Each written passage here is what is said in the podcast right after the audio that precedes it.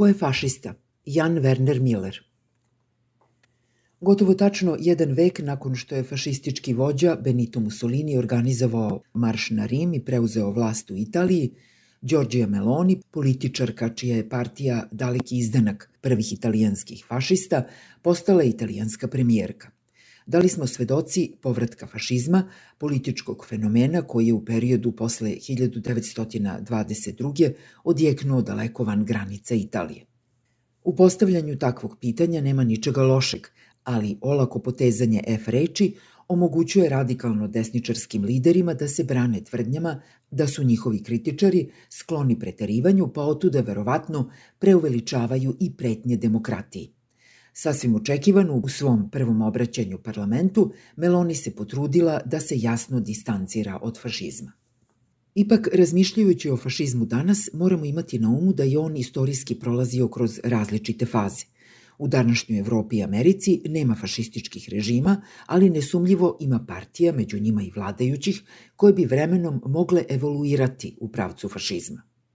Kao i drugi sistemi političkih uverenja, fašizam je sposoban da se razvija – Današnji liberalizam nije ono što je bio pre 100 godina, a savremeni konzervativizam, koji ne treba mešati sa reakcionarnim ili samo ortodoksnim stavovima, smisao pronalazi u pažljivom prilagođavanju okolnostima koje se neprestano menjaju. Takvi sistemi su definisani temeljnim vrednostnim opredeljenjima koja bi trebalo da ostanu prepoznatljiva kroz vreme.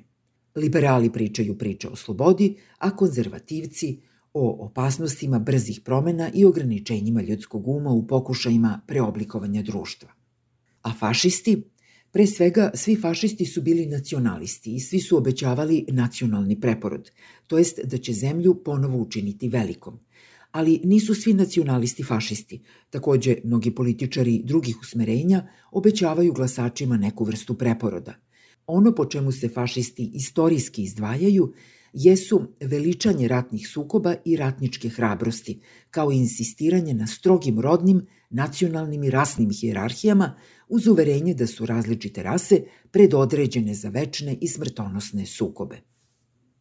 Današnja radikalna desnica očigledno nastoji da obnovi tradicionalne rodne uloge i hijerarhije i dobar deo energije generiše strogim politikama isključivanja – Oni koji su strano telo unutar nacije moraju se potisnuti da ne bi vremenom zauzeli mesto dominantne zatvorene grupe. Ali tu je i opasnost koja dolazi iznutra. To su liberalne elite i manjine. Svako ko ne pripada onome što radikalno desničarski populisti nazivaju običnim ljudima. Takve politike isključivanja ne moraju nužno biti udružene sa glorifikacijom nasilja i sukoba kao načina da se muškarcima, obično su u pitanju muškarci, pruži smislen, disciplinovan, herojski život. Glorifikacija nasilja je proistekla iz opšte mobilizacije u Prvom svetskom ratu kada je Mussolini slavio rovokratiju, aristokratiju hrabrih ratnika koji su se zbratimili u rovovima, nasuprot današnjim vikend ratnicima koji ratuju tastaturama. Kada se rat završio, Mussolini je nastavio da primenjuje nasilje u zemlji. Isto tako, Hitlerov uspon ne možemo razumeti van konteksta surovih desničarskih milicija nastalih u Nemačkoj početkom 20. godina. Nije slučajnost to što su fašistički režimi nastajali u zemljama koje su poražene u ratu, u slučaju Nemačke, ili su se osjećale poraženima, u slučaju Italije. Nije slučajnost ni to što su fašistički režimi ranije ili kasnije započinjali nove ratove, za razliku od tradicionalnih autoritarnih režima koji radije ne mobilišu građanstvo. Sve prisutna atmosfera nasilja danas izostaje.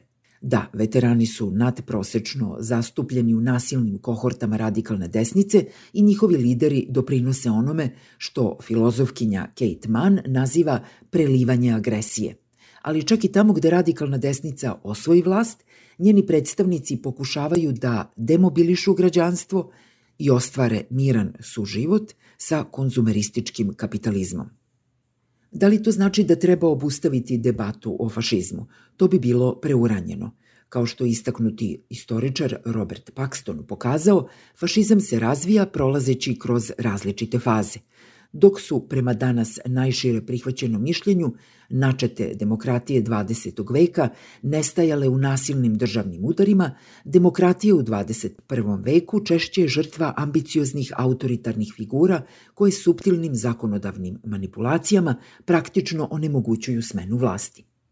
Takvu autokratizaciju, što je ružan ali neophodan neologizam, nije lako uočiti i ona je utoliko opasnija – ali ovim poređenjem se zanemaruje činjenica da fašizam i pored glorifikacije nasilja često nije morao da pribegava nasilju da bi ostvario postavljene ciljeve. Mussolini nije umarširao u Rim, doputovao je spavaćim kolima iz Milana, a kralj i tradicionalne elite su mu predali vlast u nadi da će zaustaviti politički haos u zemlji u trenutku kada se činilo da to niko drugi ne može učiniti. Takođe, zaboravlja se da je Mussolini godinama vladao unutar struktura italijanske demokratije, čak i uz pomoć znatnog broja samoproglašenih liberala u svom kabinetu. Praktikovao je stil vladanja danas poznat kao autokratski legalizam. Držao se slova zakona, ali je kršio njegov duh ili je donosio nove zakone na način koji je proceduralno bio ispravan, ali je vladavinu jednog čoveka postavljao iznad vladavine prava – Da ne bude zabune, bilo je tu i užasnog nasilja. Najpoznatiji primer je ubistvo socijalističkog političara Giacomo Matteotija. Ali Mussolini je otvoreno nastupio kao diktator tek 1925. Hitler je od prvog dana na mestu kancelara jasno pokazivao pretenzije da ostvari punu rasističku, totalitarnu vlast. Poistovećivanje današnje radikalne desnice i fašizma nema utemeljenja kao politički sud – ali moramo pažljivo pratiti kako se radikalna desnica razvija. Prelazak u fašizam, u otvoreno proklamovanje autoritarizma i glorifikaciju nasilja može se odigrati veoma brzo ili može trajati veoma dugo. U svakom slučaju, najvažnije je uvek držati na oku stavove tradicionalnih elita. To je jedna od lekcija iz vremena uspona Mussolinijevog fašizma, koju do danas nismo dovoljno razumeli.